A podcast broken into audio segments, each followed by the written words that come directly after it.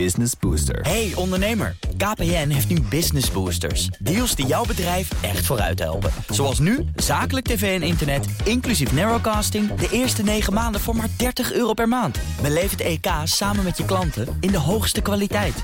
Kijk op kpn.com slash businessbooster. Business Booster. Cryptocast wordt mede mogelijk gemaakt door BitTonic. Al tien jaar lang de Bitcoin-autoriteit van Nederland. Dit is deel 2 van de Cryptocast. Nummer 238, het podcastgedeelte. In het eerste deel hebben we het gehad over het laatste crypto-nieuws. Je vindt dat als de vorige aflevering in je podcast-app. 238a staat er dan. En nu gaan we het hebben over duurzame energie, load balancing en de rol van bitcoin mining in de energietransitie. Met onze gast Danny Oosterveer. Hij is data-analyst in het eh, dagelijks leven en werkt voor allerlei partijen, zowel eh, in de duurzaamheidssector als in de cryptosector, Amdax bijvoorbeeld. Um, dus een hele leuke eh, mix van verschillende kanten. En de co-host vandaag is Krijn Soeterman, cryptojournalist en auteur. Voor, het, voor we beginnen, um, nog eventjes dit. We hebben een nieuwe sponsor. De CryptoCast heeft een nieuwe sponsor. En um, daar gaan we meteen wat over vertellen. De CryptoCast wordt mede mogelijk gemaakt door Bitonic. Het oudste cryptobedrijf van Nederland, dat dit jaar ook nog eens zijn tienjarig bestaan viert. Bitonic creëert stabiliteit en is een rustpunt in deze chaotische markt. Het stimuleren van langetermijndenken en educatie zit sinds de oprichting in het DNA. Dat zie je bijvoorbeeld terug in de Bitcoin-spaardienst Bits en het educatieve platform bitcoin.nl. Kijk voor meer informatie op bitonic.nl. En dan nog eventjes dit. Luister je graag naar de CryptoCast, vergeet je dan niet te abonneren. Even subscriben in Spotify, een review achterlaten of een YouTube. Um, dan ben je ook meteen elke week op de hoogte als er een nieuwe aflevering um, uitkomt. We gaan naar Danny. Danny, welkom. Leuk dat je er bent. Um, we, hebben natuurlijk heel vaak over het onderwerp energie, uh, energieverbruik, uh, zeg maar de, de klimaatimpact van Bitcoin. Hè. In, in, het, in het Engels heb je dan ESG. Hè. Dan, dat is dan, um, uh, de E staat geloof ik ook voor energy, toch? Uh, social, environmental, social oh, governance. Precies, environmental. Hè? Dus het gaat dan eigenlijk vaak om het, om, om het milieu, de omgeving. Um, en nou hebben we eindelijk iemand aan tafel die zowel één been in de, de, in de energie-duurzaamheidswereld en de andere in de cryptowereld. Dus van beide kanten wat kan vertellen. Dat is hartstikke leuk. Um, het is ook je eerste keer als, uh, als gast in de CryptoCast. En dan beginnen we altijd eventjes met de vraag: hoe ben je met Bitcoin en crypto in aanraking gekomen? Ja, dat was voor mij, ja, zoals velen denk ik, begin 2017. dus ik denk een beetje het klassieke verhaal. Je maakt een run mee, je denkt omhoog, ik ben geniaal. En dan gaat het allemaal naar beneden en dan, uh, dan blijkt dat toch niet zo te zijn. En in mijn geval uh, ja, ben ik me toen ook veel meer gaan verdiepen in uh, ja, wat, wat is het nu eigenlijk en, en ja, wat, wat, wat voor innovatie biedt dit nu. Um, en ja, ik raakte wel echt helemaal in een soort rabbit hole op dat moment. Um, ja, ik heb dus een, een soort marketing- en data-achtergrond. En uh, daarbij ben ik veel bezig met, uh, nou, het zijn best wel complexe zaken. En ik vind het heel leuk om dat soort van begrijpelijk en toegankelijk te maken. Bijvoorbeeld met trainingen en, en presentaties. En uh, ja, ik, ik merkte gewoon, ja, ik raakte helemaal verslingerd aan, aan die crypto en hoe dat werkte. En ik, ja, ik merkte eigenlijk een soortzelfde lol van ja, die complexiteit ontdekken en dat een soort begrijpelijk en toegankelijk te maken. Ja, dat ik op een bepaald moment ja, ook dacht, ja, ik, hier wil ik ook in werken. En toen heb ik uh, Lucas Wensing van Amdax uh, een bericht uh, gestuurd. Nou, binnen de kortste keren zaten we samen en binnen de kortste keren zat ik daar ineens op de werkvloer. Dus uh, ja, zo ben ik uiteindelijk ook bij, dus ook bij, bij Amdax terechtgekomen. Dus je hebt um, zeg maar 2017, hè, dat is een beetje, dat is, dat is, wel het grote jaar waar een hele hoop mensen toch wakker zijn geworden van hé, hey, daar gebeurt iets, daar gebeurt iets interessants. Dus een jaar of vijf ben je um, naar crypto aan het kijken en dan, dan nu ook uh, als onderdeel maar, van je... Maar dan ben ik wel benieuwd welke ICO je dan ingestort hebt. ja, belangrijk. Um, nou, niet zozeer een ICO, maar ik, uh, ja, het, het, het, kleine dingetje waar bij mij voor begonnen is, dat heette toen nog En het werd op een gegeven moment NIO. Oh ja. Ja. Nu nooit meer iemand van gehoord, maar ja, wel iets wat een keer uh, enorm veel uh, ging. En nou ja, daarna wel geleerd dat het misschien niet het beste is om in te zitten. En nou, inmiddels is het gelukkig een stuk verstandiger verdeeld. Oké, okay. goede vraag, belangrijk. Hè? Even kijken waar, waar, waar, waar, je um, je littekens hebt opgelopen. Ja, nou ja, daar. Hey, en um, dus in het dagelijks leven, je, je, werkt voor Amdax. Wat doe je nog meer? Want wat is jouw, jouw link met, met energie en duurzaamheid en environment? Ja, op meerdere vlakken eigenlijk. Dus ik heb zowel uh, klanten waarvoor ik werk die zich bezighouden met, uh, met duurzame energie. Uh, dus dat is, nou, denk aan iets als waterschappen. Uh, maar ik ben ook betrokken bij uh, platform Doe Duurzaam en een podcast over duurzaamheid. Dus eigenlijk vanuit meerdere hoeken. En ik ben eigenlijk ook zelf op een gegeven moment ja, privé mee bezig. Ik heb een, een, een huis waarin alles te meten is. En ja, goed, kijk, je kunt niet meer heen om de energiediscussie sinds, zeker sinds de gasprijzen natuurlijk zo zijn gestegen. Dus ja, ging je ook een beetje naar mijn eigen huis kijken. En dan ga je eens kijken van, goh, hoe werkt dat nu eigenlijk? Wat gebruikt er nu veel energie? En wanneer gebruikt er nu veel energie? En dan kom je ineens tot dingen dat je eigenlijk van, jeetje, wat werkt het eigenlijk dom? we hebben het vaak over slimme apparaten, maar ja, wat, wat is er toch eigenlijk veel heel dom geregeld? Geef eens een voorbeeld. Nou, um, laat ik zo zeggen, op dit moment kun je ongeveer vier, vijf keer zo goedkoop zelf je eigen energie van je zonnepanelen gebruiken, in plaats van dat je het van het net gebruikt. En dan zie ik dat op het moment dat ik dat mijn eh, elektrische auto laat, die heeft een bepaald vermogen. En uh, dat vermogen waarmee die laat, dat is ongeveer uh, zeg maar drie keer zoveel als dat mijn zonnepanelen op dat moment kunnen teruggeven. Ja, dus als mijn auto zich zou aanpassen daaraan, dan zou ik makkelijk zeg maar, de helft tot driekwart van mijn auto volledig met mijn eigen zonnepanelen kunnen laden. Ben ik hartstikke goedkoop uit.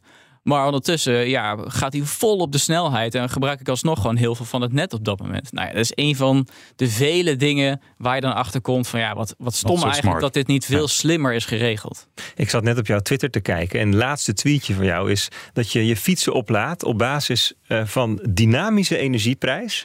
Um, uh, wat is die, begin, laat beginnen. Wat is dynamische energieprijs? Ik heb een variabel contract, dat al, doet al heel veel pijn, maar jij hebt, het nog, jij hebt het nog variabeler, geloof ik. Ja, nee, ook dat. Hè, want je, ik denk dat de meeste mensen die beseffen dit überhaupt niet. En je hebt gewoon eigenlijk één energieprijs. Nou, we zijn inmiddels gewend dat dat ja, de, die je inderdaad kunt variëren. Variabel contract, hè, want een vast contract dat kun je niet meer afsluiten. Maar feitelijk is eigenlijk de, de prijs die je voor stroom betaalt, ja, die wisselt eigenlijk per uur. Er is dus een markt voor, voor stroom. Uh, de day-ahead prijzen worden genoemd, dus die worden een dag van tevoren worden die, zeg maar, bepaald. Uh, en dan kun je zien hoeveel de stroom per uur kost. En er zijn eigenlijk steeds meer maatschappijen. Je hebt Frank Energy, Easy, Easy Energy, AWB, maar ook Tibber. Er zijn eigenlijk bedrijven die niet zozeer verdienen, een verdienmodel is omdat ze slim energie kopen en inkopen. Maar eigenlijk dat ze zeggen, nou, we geven gewoon de ruwe energieprijs geven we door. En wij zijn een techbedrijf. We bieden daarnaast bijvoorbeeld een appje aan, waarmee je kunt zien wanneer die prijs hoog of laag is. Dus dat je daar ook als consument inzicht in hebt. En natuurlijk de vervolgstap is, en dat is denk ik het belangrijkst, is op het moment dat je dat weet, is dat mensen zich erop gaan aanpassen. Nou ja, en eh, mijn energiecontract loopt aan het eind van het jaar af. Dus ik zag de bui natuurlijk al hangen. Dus uh, ja, en ik kon dingen meten. En ik dacht, uh, ja, ik ga eens kijken wat gebruikt nu energie. En toen dacht ik, ja, die elektrische fietsen, die staan daar maar in, in de schuur. Die staan het grootste deel van de tijd daar. Dus die kunnen zich best eigenlijk gewoon aanpassen op basis van wanneer die prijs laag is. Dus toen ben ik wat gaan knutselen. En nou, die, die dynamische energieprijzen, die, die kon ik gewoon uitlezen. Dus op het moment dat de, stroomprijs nu laag is, dan gaat er ergens een stopcontact aan. Dan gaan de fietsen laden. En op het moment dat de prijs omhoog gaat, dan stopt het. E-, even een nerdvraagje hoor. Waar, waar kan ik dit, de, de schema's vinden om dit zelf te bouwen? Ja, het, eigenlijk is het helemaal zo ingewikkeld niet. Er zijn, uh, je ziet best wel veel ontwikkelingen op uh, bij een soort van domotica open source platformen. Dus je hebt Home Wizard, je hebt uh, ja, wat nog eens Home Assistant. Die, daar ontwikkel ik dan, dan zelf op. En er zijn eigenlijk, daar kun je, ja, daar kun je dus externe feeds op inlezen. Daar kun je allemaal slimme apparatuur aan koppelen. En dan kun je dus eigenlijk gewoon eh, met een beetje, nou ja, als je een beetje nerd bent, dan, uh, dan kun je dat zelf. Uh, dus je Arduino of je Pi uit de kast trekken en gaan met die banaan. Zeker, dit draait gewoon op een Raspberry Pi inderdaad. Uh, dan kun je het gewoon helemaal zelf in elkaar klikken. Sterker nog, als jij een, misschien een mooie link, als jij een, een Bitcoin node draait Ik op, net ja, ja, op, god, hoe heet die software ook weer, die zo makkelijk, maar het Umbrel, daar staat ook Home Assistant op. Dus oh. als je toch al een Bitcoiner bent, dan is het voor Bitcoiners helemaal makkelijk om dat aan te zetten. Ik denk dat dit wel een goed beeld schetst van hoe jij met beide werelden data gedreven bezig bent. Dat is denk ik interessant, want ja, we hebben met elkaar, denk ik, uh, en dat is de, de missie voor deze podcast ook, gewoon een geweldig complex vraagstuk uit te pluizen.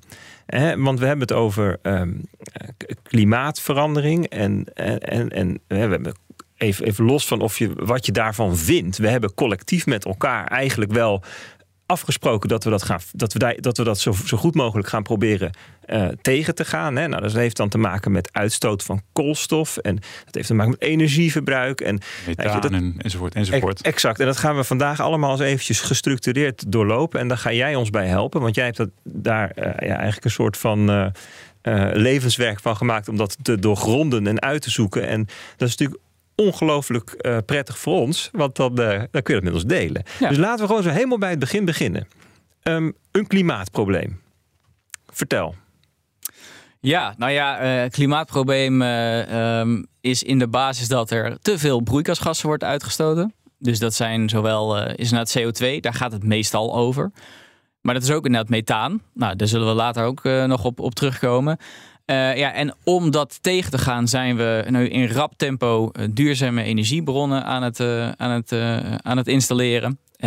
en dan nou, gaat het vaak over zon- en windenergie. Um, maar er zijn ook nog wel andere duurzame energiebronnen. We hebben ook kernenergie, we hebben, nou, noemen ze wat, biomassa wordt er over gepraat, waterkracht inderdaad. Er zijn heel veel verschillende bronnen, maar ik denk dat we in Nederland ons voor een groot deel op zon en wind richten. We hebben niet zoveel waterkracht hier. Dat, tijden. Ja. een beetje. Ja, is heel experimenteel nog. Ja. Diepe aardwarmte is er ook zo eentje. Nog. Aardwarmte, inderdaad. Ja, ja. dus, dus dat is een beetje het, spectrum. Maar in Nederland is het vooral. Ja, we hebben, we hebben wind en we hebben zee. Dat is ook fijn, want daar kunnen ze op kwijt. Want iedereen wil ze in zijn achtertuin. Uh, en we hebben natuurlijk uh, veel, uh, veel zonnepanelen. Wat dat betreft lopen we ook in, in Nederland op, in, in Europa best al, best al voor op dat vlak. Um, dus, maar ja, dat, uh, dus het is heel mooi dat, die, dat dat zo snel gaat. Daar zit ook wel een beetje, als je toch naar de technologie kijkt. We hebben net corona achter de rug. Hè. Mensen kunnen best wel slecht voorspellen wat zo'n exponentiële groei, uh, zeg maar, uh, wat dat nou betekent. Nou, inmiddels beseffen we dat een stuk beter. En dat zie je met die zonnepanelen ook gebeuren. Is dat de capaciteit om die zonnepanelen te produceren en uiteindelijk te installeren, die, ja, die groei die gaat zo rap. Ja, je bedoelt zeg maar eerst als een verdubbeling van bijna niks naar bijna niks. En nu ja. is het bij een verdubbeling van best wel veel naar heel veel. Ja, klopt. En, en Ehm, ja, dat is wel. Het is interessant, want ook op dit moment is het al best wel een uitdaging om dat stroomnet uh, goed te laten functioneren. Want als je gaat kijken naar de meer traditionele, de fossiele brandstoffen, ja, die zijn eigenlijk heel continu. Ja, als je het hebt over gas, over kolen, die kunnen heel uh, continu kunnen ze energie aanbieden. En dat is prettig, want ons energieverbruik is ook niet heel variabel. Dus s'nachts dan slapen we, dat doen we meestal niet zoveel. Uh, als we s ochtends wakker worden, nou, dan gaat het koffiezetapparaat aan en de broodrooster. En, nou, dus dan, dan zie je wat stijging in energiegebruik. Nou, overdag uh, uh, is, het, uh, is dat een beetje constant. En je ziet dat zeker tegen het eind van de dag, als we allemaal thuiskomen, dan gaat het energieverbruik weer omhoog. En je kunt dan zeg maar met, met die fossiele centrales van gas of, of kolen, kun je eigenlijk heel goed sturen van ja. nu wat meer energie, dat kunnen we allemaal heel goed plannen. Ja, ja want die, die, die, die ontwikkeling is ook redelijk geleidelijk. Dus je kunt daar ook best prima op inspelen door gewoon zo'n zo'n gascentrale wat, wat, wat het, de capaciteit wat te verhogen. Dus ze draaien altijd op een bepaalde capaciteit dat ze nog ruimte hebben om, om mee te groeien. Dus dat systeem werkte eigenlijk heel goed. En dus dan heb je het over olie, gas, kolen en kernenergie. En dat zijn denk ik de, de, de, de vormen die voor een goede, continue, stabiele, eh, planbare hoeveelheid stroom kunnen zorgen. Ja. Zeg ik dat goed? Ja, exact. Ja, ja. En dat, dat, eh, nou, daar zijn de netbeheerders heel blij mee. Want dat is eigenlijk een systeem dat heel goed functioneerde.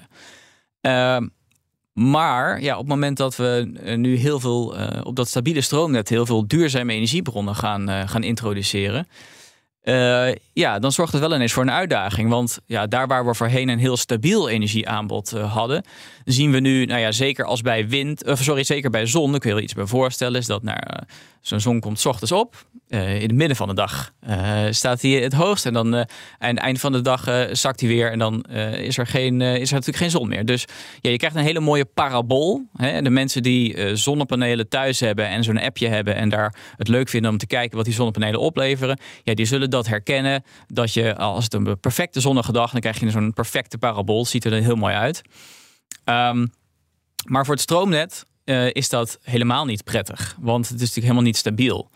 En hoe meer van die uh, zonne-energie er op het wind komt, uh, of sorry, zonne-energie er op het stroomnet komt, of uh, wind op het moment dat het waait, ja, dat zorgt eigenlijk allemaal voor, voor verstoringen.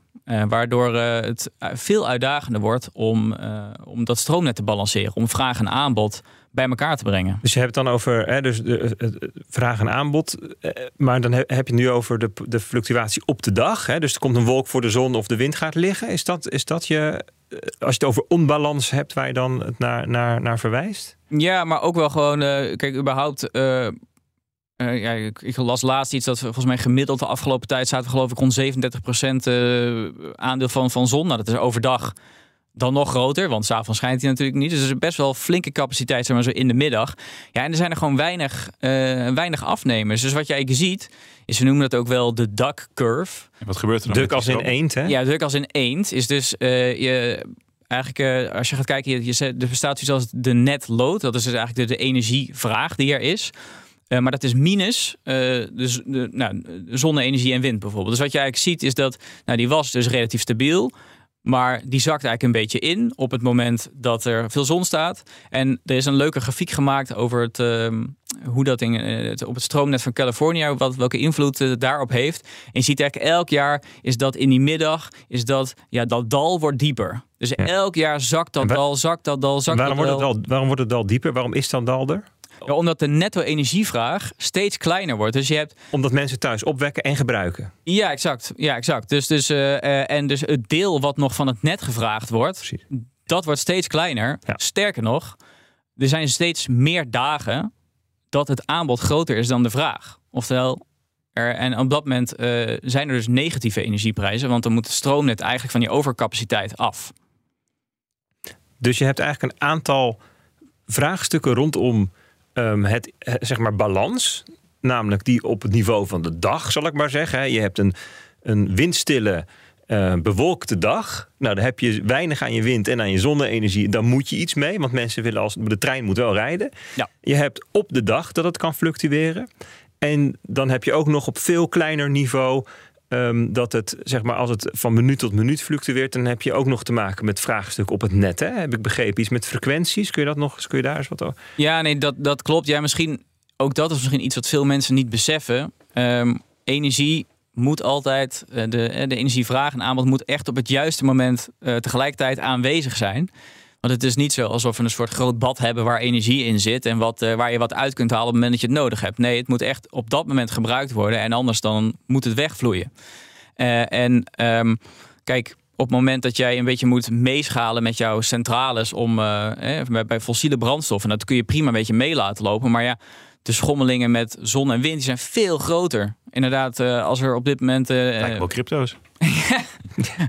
ja, nou ja, de volatiliteit neemt inderdaad daardoor wel toe. Kijk, en uh, dat is best wel een uitdaging, want uh, ja, die gascentrales die hebben wel een bepaalde opstarttijd nodig. Terwijl die fluctuaties worden gaan ook steeds sneller. Dus je moet steeds sneller op die beweging kunnen inspelen. Dat heeft inderdaad bijvoorbeeld gevolgen voor ja, de frequentie. Dat het best wel een belangrijk ding is om dat stroomnet stabiel te houden.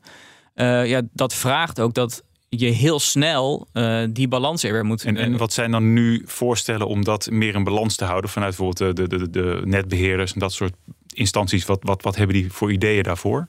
Ja, Kijk, op dit moment, men worstelt hier nu ook nog heel erg, uh, nog heel erg uh, mee. Ja, ik ja. denk dat, dit, dat dit, dit is wel het vraagstuk op het moment. Ja. ja, ja. Maar wat, wat, wat, ik bedoel, waar je intuïtief aan denkt, is nou dan moet je dus energie kunnen opslaan. Ja, dat zullen de meeste mensen na het roepen van, van ja, ja, ik zei al net, we slaan het niet op. Nou, dan moeten we het misschien op gaan slaan. Ja, ja, ja. ja. En dan gaat natuurlijk vaak over batterijen, uh, want dat kennen we hè, als een manier om, uh, om op te slaan. Maar er zijn natuurlijk wel meer mogelijkheden. Je hebt ook uh, waterstof bijvoorbeeld. Um, of water, überhaupt. Ik geloof dat in Zwitserland pompen ze water omhoog en dan laten ze het weer naar beneden ja, stromen. Pump-based. Ja. ja, dat bestaat inderdaad. Uh, dat bestaat inderdaad ook. Maar meestal, als we naar de toekomst kijken, ja, dan is toch een beetje. Ja, we, we, we, verwachten veel van, van dat batterijen daaraan kunnen bijdragen. En dat, er wordt ook heel veel onderzoek naar gedaan. Um, alleen ja, feit is, als je gewoon nu de analyse maakt. Ja, de, ik geloof dat een van de oprichters van Tesla die zegt: ja, op dit moment verdubbelt de batterijcapaciteit zeg maar, elke tien jaar. Ja, dat is gewoon te traag. Capaciteit per kilo of capaciteit op de wereld? Hoe, uh... Nee, per, dat is echt zeg maar per kilo. Wat Energiedichtheid. Ja, ja, ja. Dus, dus dat is echt zeg maar als je gaat kijken naar innovatie. Dus even los ja, zeg maar, van productiecapaciteit of iets dergelijks. Dus zeg maar puur, um, puur de techniek. Ja, en dat is, dat is best langzaam als je ziet welke beweging we moeten gaan maken met z'n allen. Ehm, Want hoeveel even, batterijen worden al ingezet om, het, om, eh, om te stabiliseren en om eventjes wat op te slaan, om wat te kunnen opvangen? Hoeveel batterijcapaciteit is er dan nu? Neem, laten we even het Europese net pakken. En Ja. even, even voor de luister, het Europese net is, ehm, heb ik mij eh, laten vertellen door een Duitse energie-expert, het grootste aaneengesloten energienetwerk ter wereld. Wat allemaal zeg maar gesynchroniseerd is. Dus allemaal exact op 50 hertz loopt. Dus dat is best wel een wondertje eigenlijk dat we dat met elkaar hebben. Ja. Ehm, en in dat net, hoe- hoeveel, hoeveel op- opslag hebben we nou? Hoeveel, hoeveel, hoeveel tijd kunnen we daarmee nu? Ja, nou, hij heeft dat inderdaad, eh, inderdaad berekend. En op dit moment zouden alle batterijen in Europa zo ongeveer 10 seconden aan stroom kunnen opslaan. Oké. Dus dat geeft denk ik wel ongeveer een beeld bij. Dat moet een heel kort wolkje zijn. Ja, ja, ja, ja, ja. En, en eh, er is eh, op een gegeven moment een berekening gemaakt dat als de, je hebt de, de Tesla Gigafactory, zeg maar, als die een jaar vol zou kunnen produceren, zeg maar, en dus batterijen zou maken voor eh, die, zou, ja, die dus stroom van het stroomnet zouden kunnen opslaan.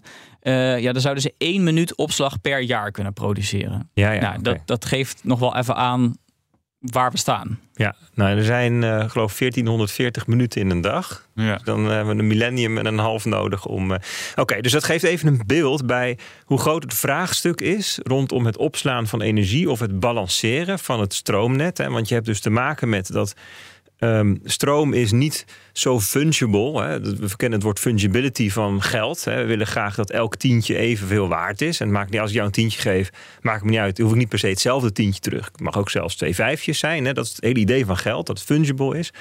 Ehm, dat is olie ook wel. Hè. Als ik jou een vat olie geef, dan hoef ik niet dat vat olie. Geef me gewoon een vat olie. Hoewel dat al wel verschil is. Je hebt verschillende soorten olie. Lichte olie, eh, zoete olie, weet ik veel allemaal. En bij stroom is dat nog veel erger. Stroom is niet... eh, Dat, dat, dat, dat, is, dat is ergens op een plek, Ja. op een moment. En dat moet daar op dat moment, op die plek eh, gebruikt worden. Ja. En dat is de, belangrijk om je te realiseren dat als je met cijfertjes gaat toveren.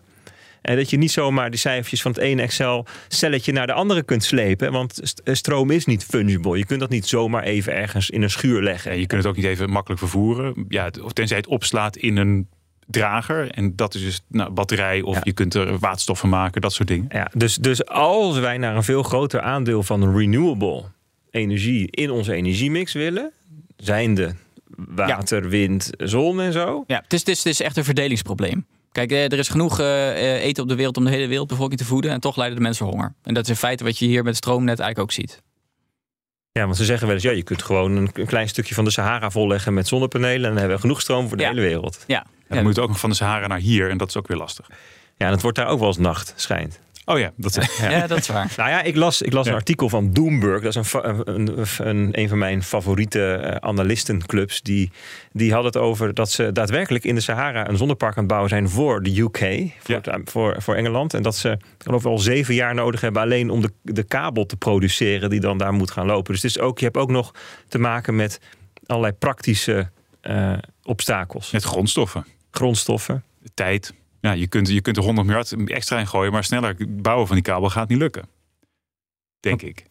Oké, dus Maar goed, dat even geheel terzijde. Volgens mij, eh, volgens mij we er een beetje bij van hoe kun je dit oplossen. En daar, volgens mij heb je daar gewoon een, een, een idee over. Althans, maar- een stukje. Dan gaan we zo. Want Oh, ik wil, ik wil nog. Ja, ik, ik, ik, ik, vind Nog het. Zeg maar, ja, ik vind het. Ik vind het. Het beeld wat we schetsen rondom hè, ehm, ehm, stabiliteit en vraag en aanbod vind ik goed. hè? Oké, Mhm. dus we hebben, we hebben daar iets te fixen. Maar ik wil nog even terug, helemaal naar het begin. Toen we het hadden over. ehm, ja, hoe, waar, waar komt die klimaatverandering nou vandaan? Nou, broeikasgassen zeg je. En zei ja, eh, eh, CO2, hè, dat daar hebben we natuurlijk al. We hebben het altijd over CO2. Carbon neutral. Carbon is het Engels voor koolstof. En dat is de C uit CO2. Maar wat ik dus. Ehm ik kreeg een grafiekje van Danny. En daar zag ik dus dat ehm, ongeveer 30 tot 35 procent van de opwarming veroorzaakt wordt door methaan. En terwijl het daar eigenlijk helemaal niet vaak over gaat. Wat is methaan? Eh, nou ja, methaan is, eh, dat wordt eigenlijk op verschillende manieren komt dat, eh, komt dat vrij. En voor het grootste deel is dat eigenlijk, eh, laat ik het is een broei, broeikasgas. Dat is, dat, dat is allereerst goed om te schetsen. En het komt, komt op verschillende manieren vrij. Zowel door menselijk toedoen als in de natuur. Dus de grootste bron zijn eigenlijk wetlands, eigenlijk moerasgebied. Nou, daar, daar komt eh, methaan eh, vrij. Ehm, maar als tweede op de lijst staat bijvoorbeeld dus de landbouw. nou ja, ik weet niet of jullie wel eens een kaartje van Nederland hebben bekeken, of van Europa zeg maar, gekeken uh, naar de uitstoot van methaan. Nou, daar is Nederland een soort donkerrode vlek. Dus daar hebben we hier heel veel van. We zijn een soort van kampioen uh, methaan als je gaat kijken samen met Groot-Brittannië in, uh, in Europa. Ja, en hoe, dat is veeteelt bedoel je? Ja, ja dat is de, de, mest, hè? Dus ja. scheetjes, daar zit ook methaan in. Nogal. Ja. ja. We zijn een winderig volkje hier. Ja, ja exact. Um, en uh, een andere uh, industrie waar het vaak over gaat, dat is eigenlijk de energiesector. En dan met name zeg maar olie- en gasindustrie. Want op het moment dat je naar, naar olie boort, ja, daar komt altijd inherent komt daar gas vrij. dat komt, dat komt in de lucht. Nou, dat willen we liever niet. Dus je ziet ook, ja, op het moment dat dat enigszins gecontroleerd gebeurt, dan herken je misschien wel alsof als je een keer in Amerika bent geweest of vanuit een film. Of vroeger in Noord-Groningen. Vroeger in Noord-Groningen inderdaad. Ja, dan zie je zo'n torentje en daar staat er zo'n vlammetje boven. Uh, ja, daar wordt uh, methaan op dat moment afgefakkeld. Zodat het uh, ja, wordt eigenlijk verbrand, zodat het niet in de atmosfeer komt. Ja. maar ook eigenlijk in die hele keten, ook in het transport. daar gaat ook op, op heel veel plekken gaat eigenlijk ook methaan komt daar vrij. Dat is het, ja, dus methaan komt zowel via dat afvakkelen vrij, als dat het ook gewoon in het hele proces dat er methaan in de, in de lucht komt. Ja. Ja, ik geloof dat, dat bij het afvakkelen um, uh, gemiddeld 92% van het methaan verbrandt. Ja. Dus ja. de en we verbranden van methaan, hè, CH4, dat wordt dan omgezet in CO2, dus dat wordt dan koolstofdioxide. Maar dus 8% gemiddeld um, belandt onverbrand in de atmosfeer. En hoeveel dat dan is, die 8% gemiddeld wereldwijd, dat hangt ook een beetje af van hard het waait en dat soort dingen. Ja, nee, ja, dat klopt. Maar ja, die cijfers die zijn best wel, uh, dat klopt, uh, wordt inderdaad verbrand. Maar ja, op het moment dat het bijvoorbeeld waait, iets heel sufs. Maar ja, dan, komt er, dan gaat die verbranding bijvoorbeeld minder goed. Alleen er zijn best wel weinig, er zijn weinig prikkels nu voor de industrie, zeg maar, om hier goed mee om te gaan. Dat is dus ja, een vorm van een externaliteit die je daar ziet. Van ja, er komt daar nou eenmaal wat vrij. Um, maar ja, de gevolgen zijn net wel groot. Hè? 30% van de, de global warming is nu door methaan veroorzaakt. Maar ook als je gaat kijken naar hoe schadelijk die methaan dan is. Um, hè, als je gaat kijken op de korte termijn, uh, op een 20, uh, als je kijkt naar de komende 20 jaar, ja, dan is methaan zeg maar 84 keer zo schadelijk als, uh, als CO2. Dus ja. het is echt een heel serieus. dus je wil er gewoon ja. vanaf. Dat is gewoon. Ja. Dus, dus, dus even, even voor de luisteraar, als je hier zelf meer over wil lezen, in de IPCC-rapporten staan, staan, staat dit gewoon beschreven. Hè? Dat, gaat, dat heet dan Global Warming Potential. En dat is dus de mate waarin een bepaalde stof de potentie heeft om uh, uh, opwarming te veroorzaken. En die is in de eerste 20 jaar 84 keer zo hoog voor ja. methaan ten opzichte van CO2. Dus dat betekent, en, en in de 100 jaar is dat minder, dat schaalt een beetje af, omdat ja. het sneller in de ja. wordt. Uh, ja, dus op korte termijn heel schadelijk en lange termijn wordt dat wel minder. Min, re relatief minder, het blijft schadelijker. Maar dat betekent dus dat als je methaan verbrandt, omzet in CO2, dat je daar dus een factor 80 in mee wint in de komende 20 jaar. Ja. Right? Ja. Dus, dus oké, okay, en dus we hebben de, de moerassen. Uh, goed, dat, is, dat was altijd al. Dan heb je wat mensen uh, doen, heb je dus, dus de, de landbouw, zeg je. Mm -hmm. En um, wat was er nog meer aan menselijke methaanuitstoot? Oh ja, nou, olieboren natuurlijk. Hè, dat soort olieboren, uiteindelijk heb je ook uh, gewoon afval, hè, afvalverbranding. Vuilnisbelten. Ja, ja, ja, de, ja klopt. En afvalwater, geloof ik. Ja. Tenminste, daar heb ik ook een keer een project uh, van gehoord. ja, nee, klopt. Dat inderdaad, uh, dat inderdaad ook. Ja, ja, uh, dus dat zijn, dan heb je wel echt wel de belangrijkste bronnen. Er zijn nog wat andere categorieën, maar die zijn heel klein. Oké, okay, dus we hebben zeg maar helemaal aan het begin van het vraagstuk. Hè, we hebben dus te maken met klimaatopwarming. Hebben we dus uitstoot die we willen beperken. En dan hebben we het vaak over koolstofuitstoot. Maar er is ook nog zoiets als methaan. Dat, die zorgt eigenlijk voor een derde van het probleem.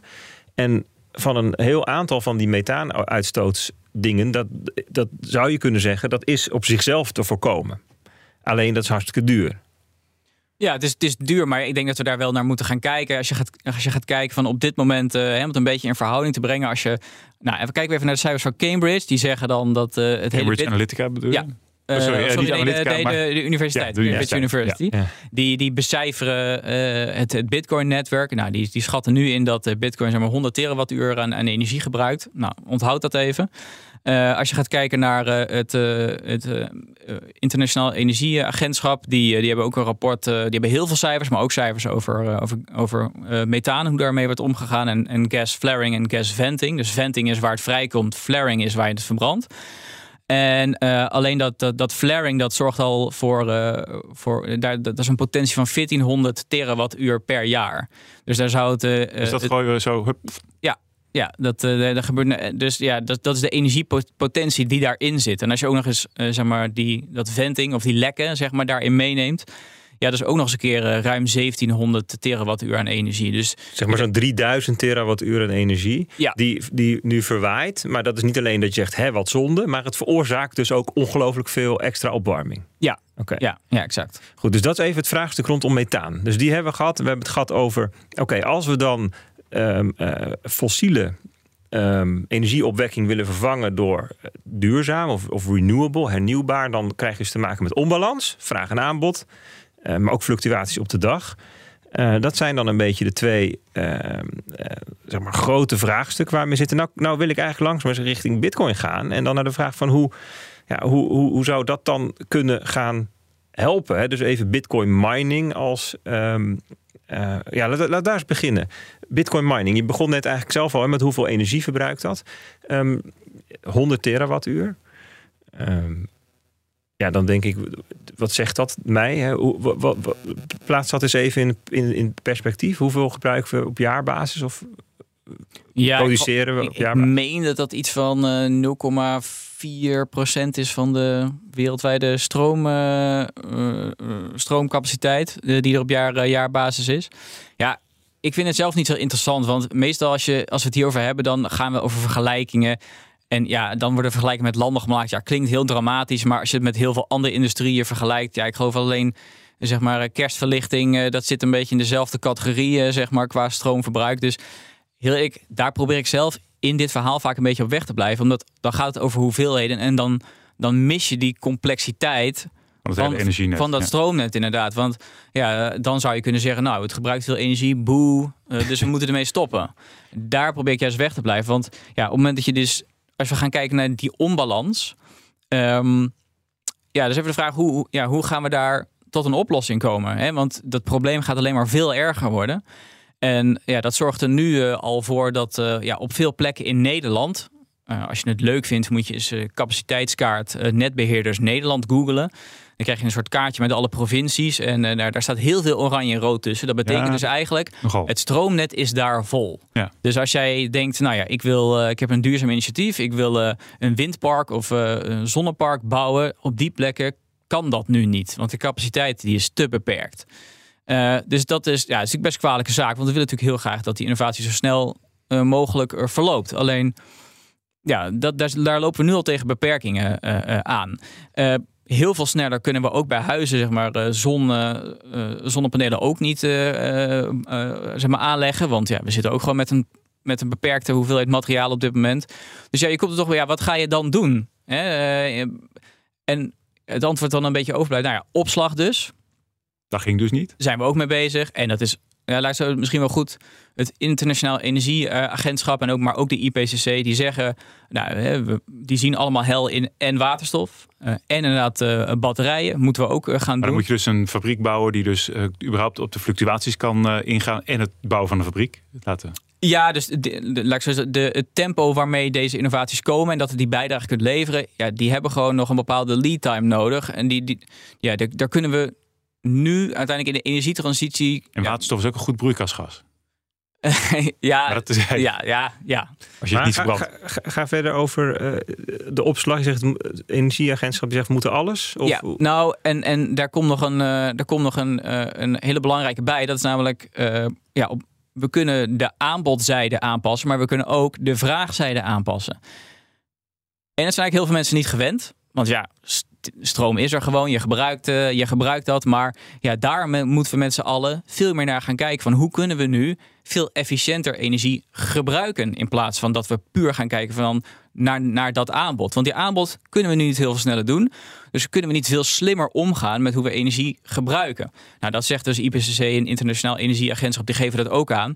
Is dat, uh, ja, dat flexibele energiegebruik, zoals zij het noemen, ja, dat moet echt in veelvoud gaan groeien. Omdat dat een hele belangrijke kracht gaat zijn om die onbalans te verminderen. We kunnen aanbod aanpassen of we kunnen vraag aanpassen. Nou, en zij zeggen eigenlijk, ja, we moeten ook veel meer gaan kijken naar dat we die vraag aan kunnen passen.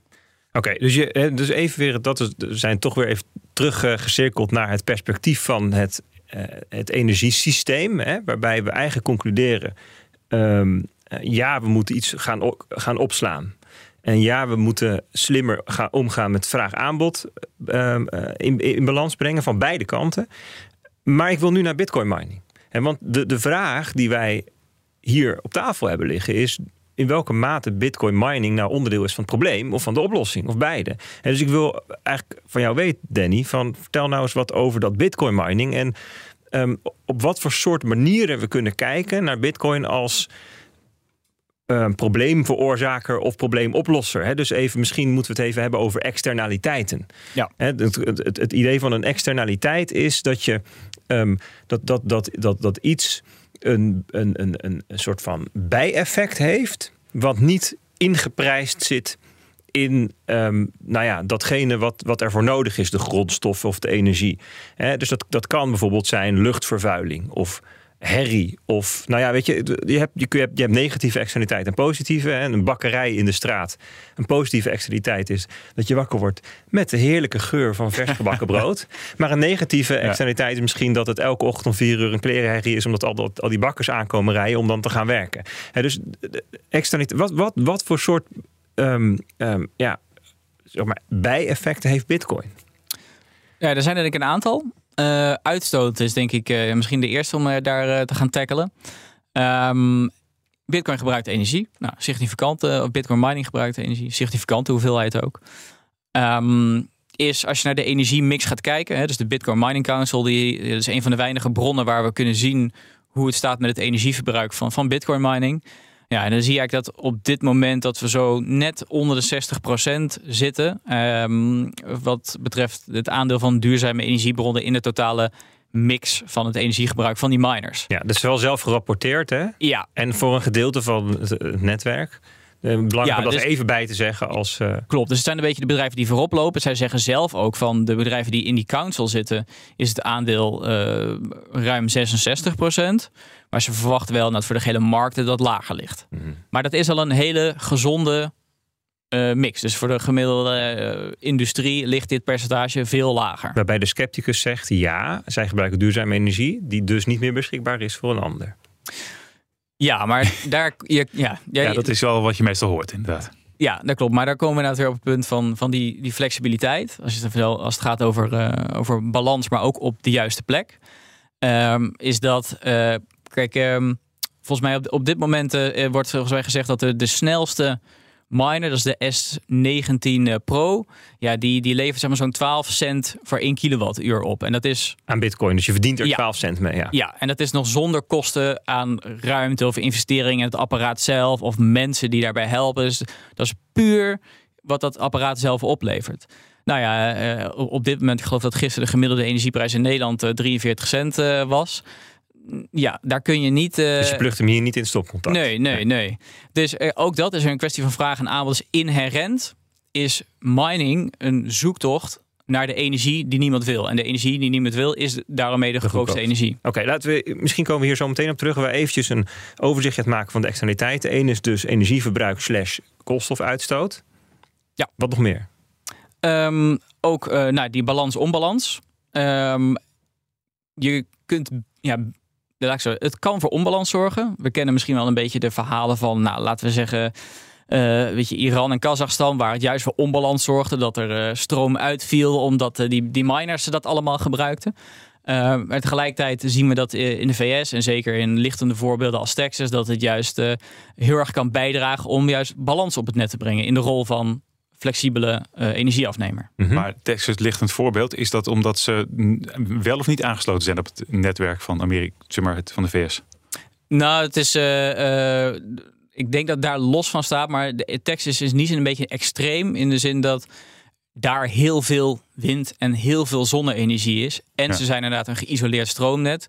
Dus je kunt daar heel goed, dus een soort van, je kunt de wereld in het klein kun je eigenlijk zien wat daar, uh, ja, hoe, hoe ze daarmee omgaan en hoe mining daar een rol heeft om balans op het net terug te brengen. Oké, okay, dus, dus we hebben uitstoot slash energiegebruik. Tweede was balans-onbalans. Ja.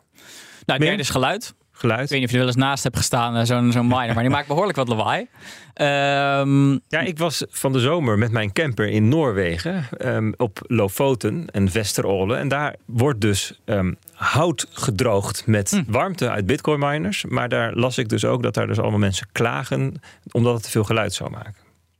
Ja, nou ja, dus, dus eh, ze maken naar het geluid, maar goed, daar, er wordt ook van alles aan gedaan. Ik denk zelf dat dit niet echt het grootste probleem is. En we gaan al een beetje naar onderdompeling te, uh, toe. Dat die miners en dat die worden ongedompeld in een, in een vloeistof. En, dan maken ze geen geluid meer? Nou, minimaal in ieder geval. Okay. ik weet het niet exact, maar het is wel, wel heel erg beperkt. Dus dan is dat eigenlijk geen issue meer. Geluid, ja? Um, drie. Ja, ja. Nou, nou, ik denk, we hebben nog een vierde, dat is e-waste. Dus uh, ja, er wordt natuurlijk heel veel grondstoffen en, en, en, apparaten gebruikt. Nou ja, die veroorzaken uiteindelijk ook e-waste op het moment dat zij niet meer in gebruik uh, zijn. Mm Dus ja, dat is, dat is ook een externaliteit. Uh, ja. Een punt, punt van kritiek misschien. Ja, en Alex de Vries, hè, dat is de zeg maar medewerker van de Nederlandse Bank... die ook um, dingen schrijft over bitcoins externaliteiten. Die zegt, ja, dat, dat er is e-waste een groot probleem... omdat de miners gemiddeld na anderhalf jaar weggegooid worden. Ja, nee, dat, is natuurlijk erg verspillend. Ja, nee, maar dat is wel echt veel te kort door de bocht. Want, want je ziet juist, de trend is juist dat die miners veel langer gebruikt worden. Even gechargeerd, we hebben op dit moment negatieve energieprijzen. Dan maakt het bijna eigenlijk niet uit met hoe oud jouw miner is. Want het is sowieso winstgevend. Dus je ziet juist uh, omdat die energieprijzen, omdat er steeds lagere energieprijzen opzoekt, of soms zelfs negatief, dat die apparatuur veel langer gebruikt wordt. Ook omdat de snelheid, snelheid waarmee uh, snellere uh, apparatuur uitkomt, die is ook steeds lager. Dus je ziet eigenlijk juist, dus voorheen klopte dat wellicht, die anderhalf jaar, maar je ziet juist eigenlijk dat die in gebruikname tijd steeds langer wordt. Dus, dus, dus, we hebben er dus eigenlijk geluid van hebben van gezegd van nou dat is eigenlijk op te lossen met onderdompeling. Dat is eigenlijk niet zo'n issue. Maar, maar de e-waste is iets waar we het in ieder geval nog over kunnen hebben met elkaar als externaliteit. Dat is de vierde dan. Hebben we nog een vijfde? Ja, dus de vijfde is de laatste. En dat is eigenlijk hitte. Nou, je had het er net al over. Uh, dat je dat uh, daar tegenkwam. Ja, heel, heel tof, uh, tof initiatief. Maar ja, die machines die produceren behoorlijk wat warmte. Ik vind het ook altijd, ik volg dat dan een beetje op Twitter en dan zie je mensen er allerlei hele creatieve dingen mee doen. dat mensen met een warmte terugwin een systeem thuis dan eigenlijk de warmte van zo'n miner gebruiken om een huis mee te verwarmen.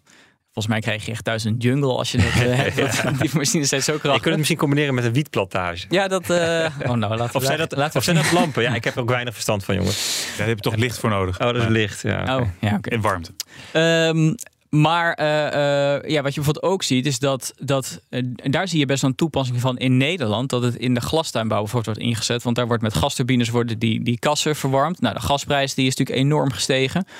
En daar zijn initiatieven. Nou, in de Cryptocast is onder andere Jan de Wolde hier een keer uh, geweest, maar ook Bert de Groot die daarover heeft verteld.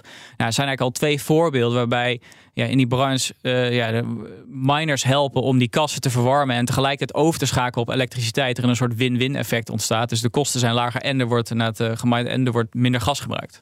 Ja, even, dus die, die uitzending kun je terugluisteren. Als je een podcast hebt, even zoekt naar um, Jelmer ten Wolde, Sustainable Data Farming. En hij vertelde pas dat ze echt al tientallen miljoenen uh, kubieke meters gas hebben bespaard. En met eigenlijk alleen nog maar hun pilotprojecten. Um, uh, doordat um, de stroom die hun warmtekrachtkoppeling uh, genereert, niet wordt teruggeleverd aan het net. Wat altijd problematisch is omdat het net vol is. Maar nu wordt ook wordt gebruikt voor het verwarmen van de kassen, namelijk via die bitcoin miners. Dus dat is een interessante uh, manier waarop dat in Nederland ook werkt. Hè? Want we horen vaak voorbeelden van all over the world. En nou hebben we dus ook eentje in, in Nederland. Wel leuk om die uh, nog eens te beluisteren. Ja, zeker. Goed, dus we hebben een aantal externaliteiten te pakken. Um, waarvan we zeggen, en dat is denk ik belangrijk ook om je te realiseren, je kunt daar overheen schuiven. Hè? Dus um, Bitcoin mining kan um, zeg maar heel veel koolstof uitstoten als je het op een kolenstroom draait. Of nul als je het op zonnestroom draait. Ja. En Bitcoin mining kan voor heel veel onbalans zorgen als je het um, illegaal de stroom aftapt in Iran of zo, weet ik wat, wat voor excessen daar waren. Of juist balanceren als je zoals in Texas dat voorbeeld je mining uitzet als, als het koud wordt. Ja. Of, of, juist heel heet. Ja. Dus je, je kunt eigenlijk schuiven over die assen en dat dat brengt ons, en nu zie je misschien dat, ik weet niet of je, of je visueel ingesteld bent, maar nu zie je het misschien voor je. Je zegt van ja, het getal 100 terawattuur is dus een veel te platgeslagen iets. Want het is eigenlijk veel grotere ruimte waarin je heel positief en heel negatief kan bijdragen. Dus je kunt daadwerkelijk onderdeel zijn van het probleem. Of onderdeel zijn van de oplossing. Ja. ja en daarom vind ik dit zo'n belangrijk onderwerp. Omdat het over die hoeveelheid gaat, terwijl het veel meer gaat over de dynamiek van hoe die stroommarkt werkt, maar ook hoe mining kan werken. En, en dus inderdaad, het kan inderdaad een negatieve bijdrage hebben, maar het kan ook juist een positieve bijdrage eh, leveren. Ik wil graag twee dingen nog iets verder uitwerken. Eén is methaan en twee is het stabiliseren van het net. Mhm. Zullen we met die eerste beginnen? Methaan, yes. Hoe kan Bitcoin daar onderdeel zijn van de oplossing? Want we hadden net over, ik noemde het uitstoot. Het kan heel negatief zijn, dus dat je veel koolstof uitstoot of neutraal, maar je kan zelfs nog de andere kant op. Ja, nou ja, ja ik ga er een kort uh, stapje terug doen, maar Bitcoin is dus een flexibele energieafnemer. Daar zijn er wel meer van, ook nu al. Uh, mijn vader die werkt voor een, een, chemiebedrijf, die produceren chloor. Die worden ook af en toe ingezet om uh, in te spelen op, op de energieprijs. Dus die worden dan een dag of een aantal dagen van tevoren worden ze ingeseind. Maar ja, die kunnen eigenlijk maar tussen 70 en 100 procent van de capaciteit kunnen ze, kunnen ze bijstellen. En ze, hebben dat, ze willen dat eigenlijk maar wel echt een week volhouden. Nou, dat geeft wel aan, ze kunnen wel bijstellen, maar heel beperkt. En, maar ja, je hebt uh, niet volatiel, zeg maar. Ja, het kost veel tijd. Je kunt er niet even aan uit. En je hebt een tijdje een inferieur product. Oh. Uh, en al deze nadelen, die zie je allemaal niet bij Bitcoin mining. Bitcoin mining zie ik echt als een soort van de perfecte flexibele energieafnemer. Uh, het heeft een eigen businessmodel. Uh, het is dat businessmodel, dit businessmodel is voor een heel groot deel, uh, zo'n tegen de 90% afhankelijk van de stroomkosten. Uh, het is uh, flexibel in de momenten waar je het inzet. Je kunt het heel snel aan en uitzetten binnen echt luttele seconden. Uh, en het is ook te dimmen. Dus het is niet 1, 0% of 100%, maar het kan ook op 25 of 50 of 75% van de capaciteit draaien. En ik hoorde zelfs 125, dat je ze tijdelijk kunt overklokken. Oh. Dat soort dingen. Oh, dat is dan voor mij weer nieuw. Ja, ja, ja. Oh, okay. Interessant. en ze zijn geografisch flexibel. Want die fabriek uh, waar mijn vader werkt bijvoorbeeld, ja, die staat op een bepaalde plek in Groot-Brittannië. Die kun je niet even verschepen op het moment dat er flexibilisering nodig is in Duitsland. Hè? Nee. Uh, en met mining, nou, zo is niet dat je ze ineens tussen landen gaat slepen, maar je kunt wel veel flexibeler zijn in waar je ze ne neerzet. En ze zijn relatief klein. Nou, bruggetje naar gas flaring. Wat je heel vaak ziet is dat er bij gas- en oliewinning methaan vrijkomt. Dat wordt nu afgefakkeld, want dan komt het niet vrij. Uh, maar daar is nu het interessante. Op het moment dat je daar een container met bitcoin miners naast zet, die methaan uh, gecontroleerd verbrandt, zodat dat niet vrijkomt. Uh, en vervolgens dat in die miners stopt. Daarmee ja, gebruik je dus energie die je normaal niet had gehad. er komt op dat moment geen methaan vrij. Uiteraard produceer je nog wel steeds. je hebt natuurlijk wel nog steeds stroom gebruikt door die, door die apparatuur. Uh, maar het is eigenlijk een win-win situatie, want de methaan die komt niet vrij. En uh, ja, die miners die kunnen daar vervolgens energie van, uh, van gebruiken. En verdienen er geld mee. Ja, en verdienen er geld mee. Dat betekent dus dat um, die bitcoin miner die daar, neer, die daar staat, dat die eigenlijk carbon negative is. Ja, exact. Dus Dit die- zit trouwens niet in die rapportage van ehm, die Bitcoin Mining Council. Dus je zou, als je dit erbij optelt, want in feite is dit gasgebruik. Dus dit is zeg maar fossiele brandstoffen. Dus juist in de data is het negatief. Terwijl je zou kunnen beredeneren natuurlijk dat het inderdaad een positieve bijdrage heeft. Omdat het uitstoot voorkomt. En nu, nu is er natuurlijk wel afgesproken dat, dat bij gasflaring in 2030 er geen methaan meer in de atmosfeer mag komen. Dus dan is het toch opgelost als die. Ja, hoe dan? ja, zeggen, er is, er is een reden dat het nu gebeurt. En de reden is dat er waren tot nu toe geen incentives. Ja, dan kunnen ze er gewoon, dan moeten ze dus een apparaat neerzetten die dat 100% zuiver verbrandt. Ja, oké, maar, maar dan inderdaad, ja, je moet dat uiteindelijk ook economisch. Je wil natuurlijk dat graag economisch ook interessant maken, zodat je. eh Ja, dus daar nu ook doet, doet niemand dat doet. omdat het gewoon geld kost. Denk je, ja, laat maar lekker zitten. Exact. Kijk, Ja. voor een deel is het, kan het opgelost worden omdat sommige van deze operaties zitten nou, binnen 20 kilometer bij bewoond gebied. Nou, dan zou je kunnen zeggen, dan moet er zeg maar, gewoon infrastructuur komen naar dat gasnetwerk. Hè, dus voor een deel moet je het ook zo oplossen. Maar je ziet ook vaak dat die winning juist niet in bewoond gebied zit. En ja, dan wordt het inderdaad nu verbrand. En dan Eigenlijk is er heb wel een beetje, heel veel van dit soort oplossingen of dingen hebben altijd te maken met eh, en en en niet zozeer of of. Want heel Ja. vaak worden dingen bekeken vanuit eh, van, van bovenaf van nou, dan gaan we voor de hele wereld lossen we het zo op, maar dat daar kan zus wel en daar kan zo wel en enzovoort. Ja. Ja, ja, dat klopt. Ja, en ik, ik, ik hoorde dus pas van een bitcoin mining bedrijf die nu begonnen is met um, vuilnisbelten.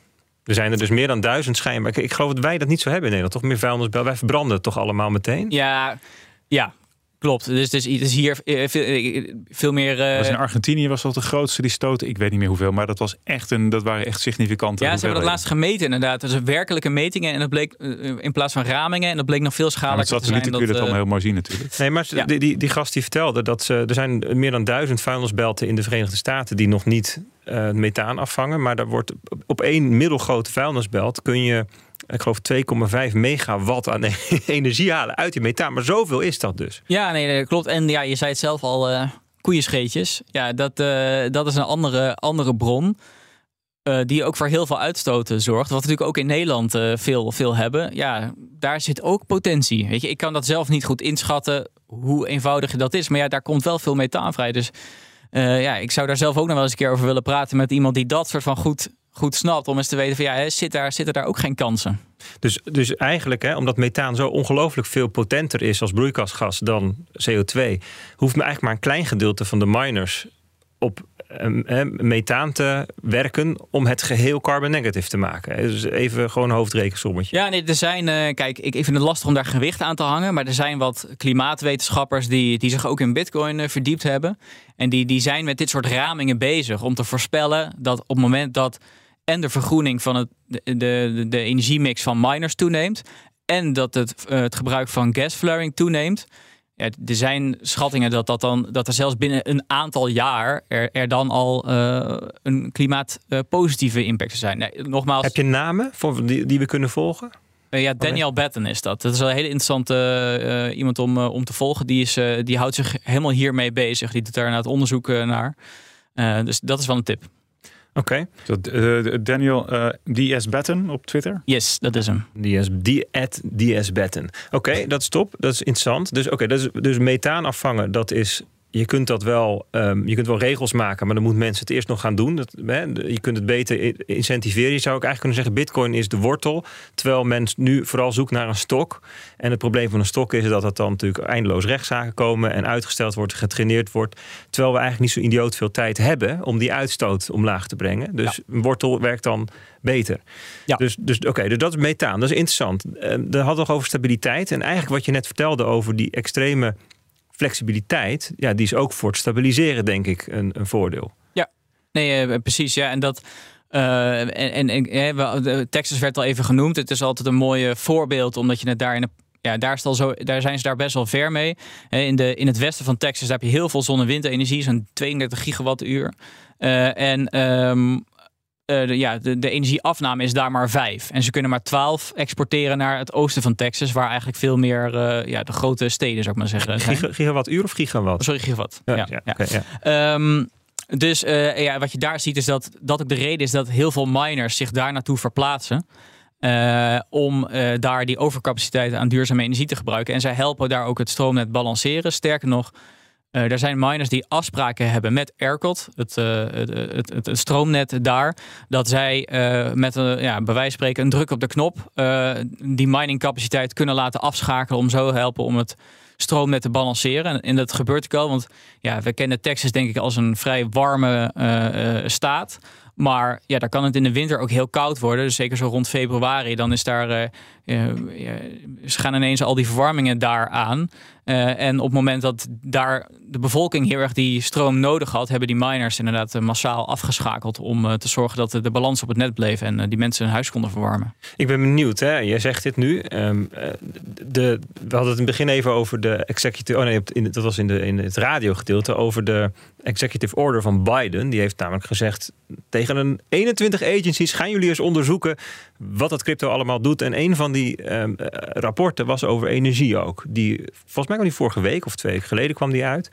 Um, nou ja, die was nog wat inconclusief. Die was, ja, dat zijn ze allemaal wel. Maar de, de, Nick Carter heeft er ook op gereageerd. Nou, dat zag er een beetje. Jij zei dat zag er een beetje uit als mijn scriptie, namelijk allemaal rode strepen overal. Ja, ja, dat, maar, uh, ja. maar er zaten wel een aantal interessante dingen. Wat zeiden zij over die, um, die potentie voor het balanceren en, en, en, en ook de potentie voor methaan afvangen. Hebben ze daar wat over gezegd? Is dat... Ja, ja, ja, dat vond ik wel echt dat het, uh, de, de, de, de beramingen, die waren allemaal uh, van het energieverbruik waren allemaal vrij uh, dubieus. Dus dat, die heeft Nick Carter het ook heel erg belicht.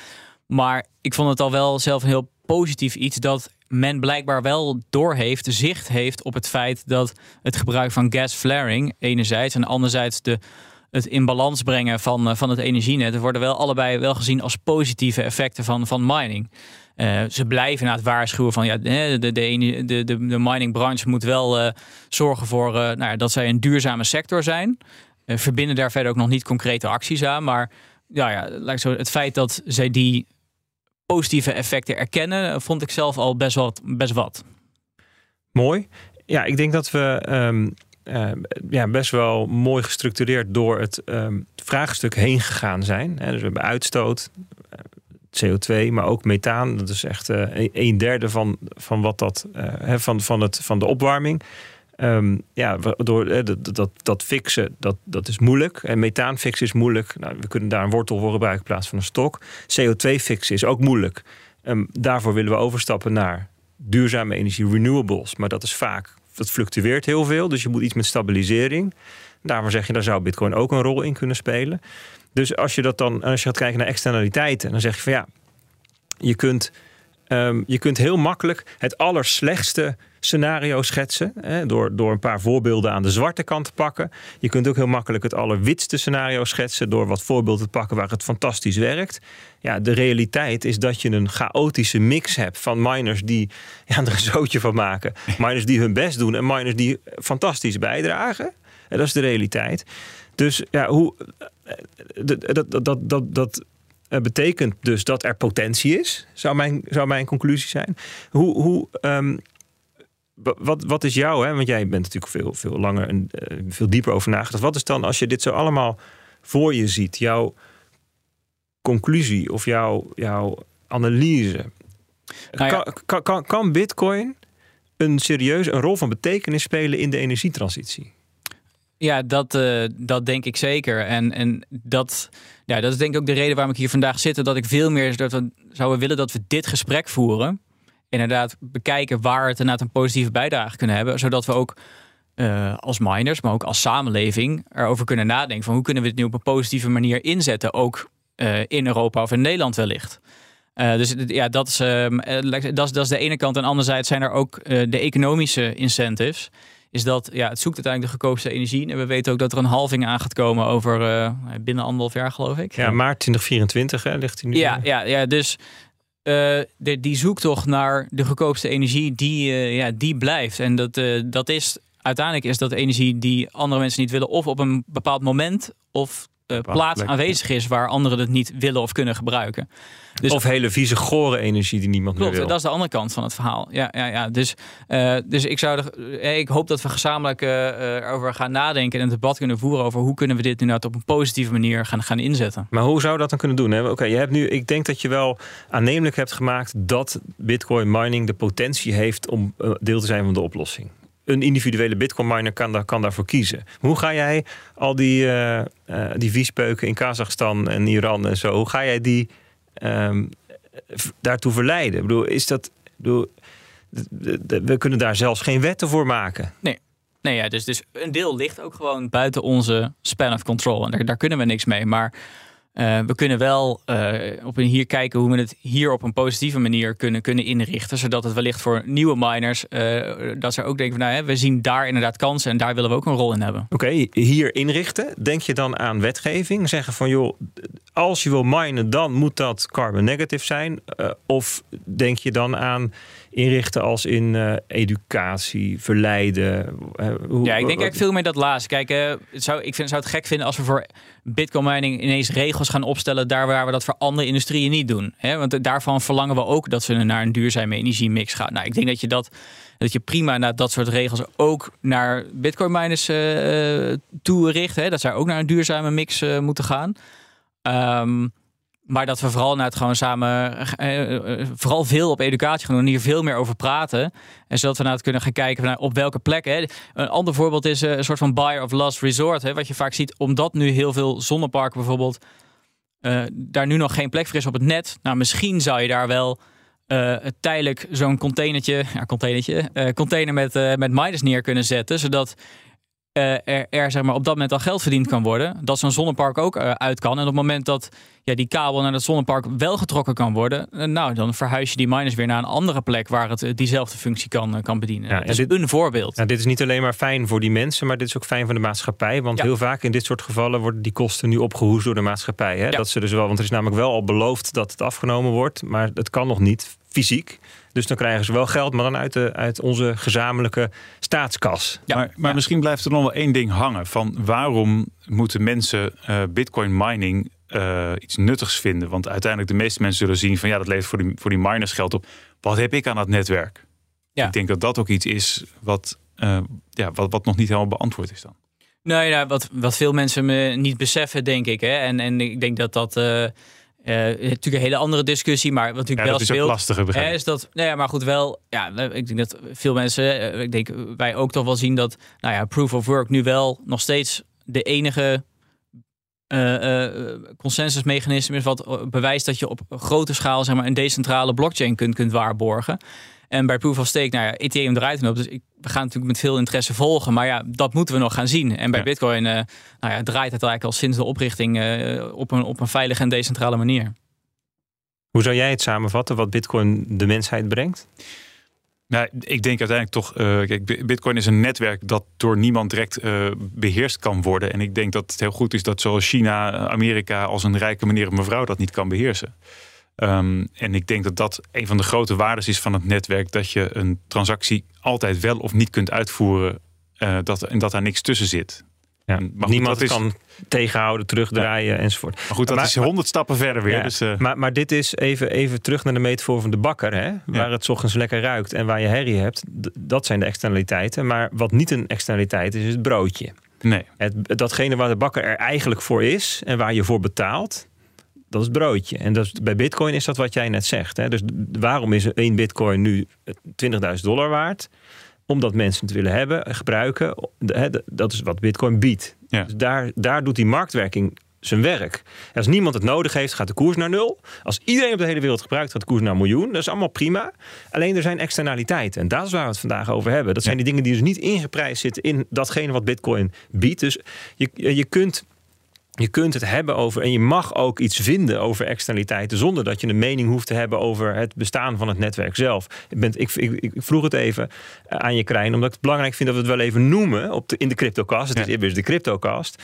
Maar ehm, ja, weet je, ik denk ook dat het fair is dat je met hè, je, je kunt praten over de, eh, de overlast van de bakker zonder dat je een mening hebt over brood, zeg maar. Nee, nee dat, Dus is, dat is natuurlijk helemaal zo. Kijk, ik, ik denk dat het goed is dat, dat je een systeem hebt waarbij je heel snel kunt, eh, eigenlijk kunt load balancen, om eventjes een eh, term uit de IT te gebruiken.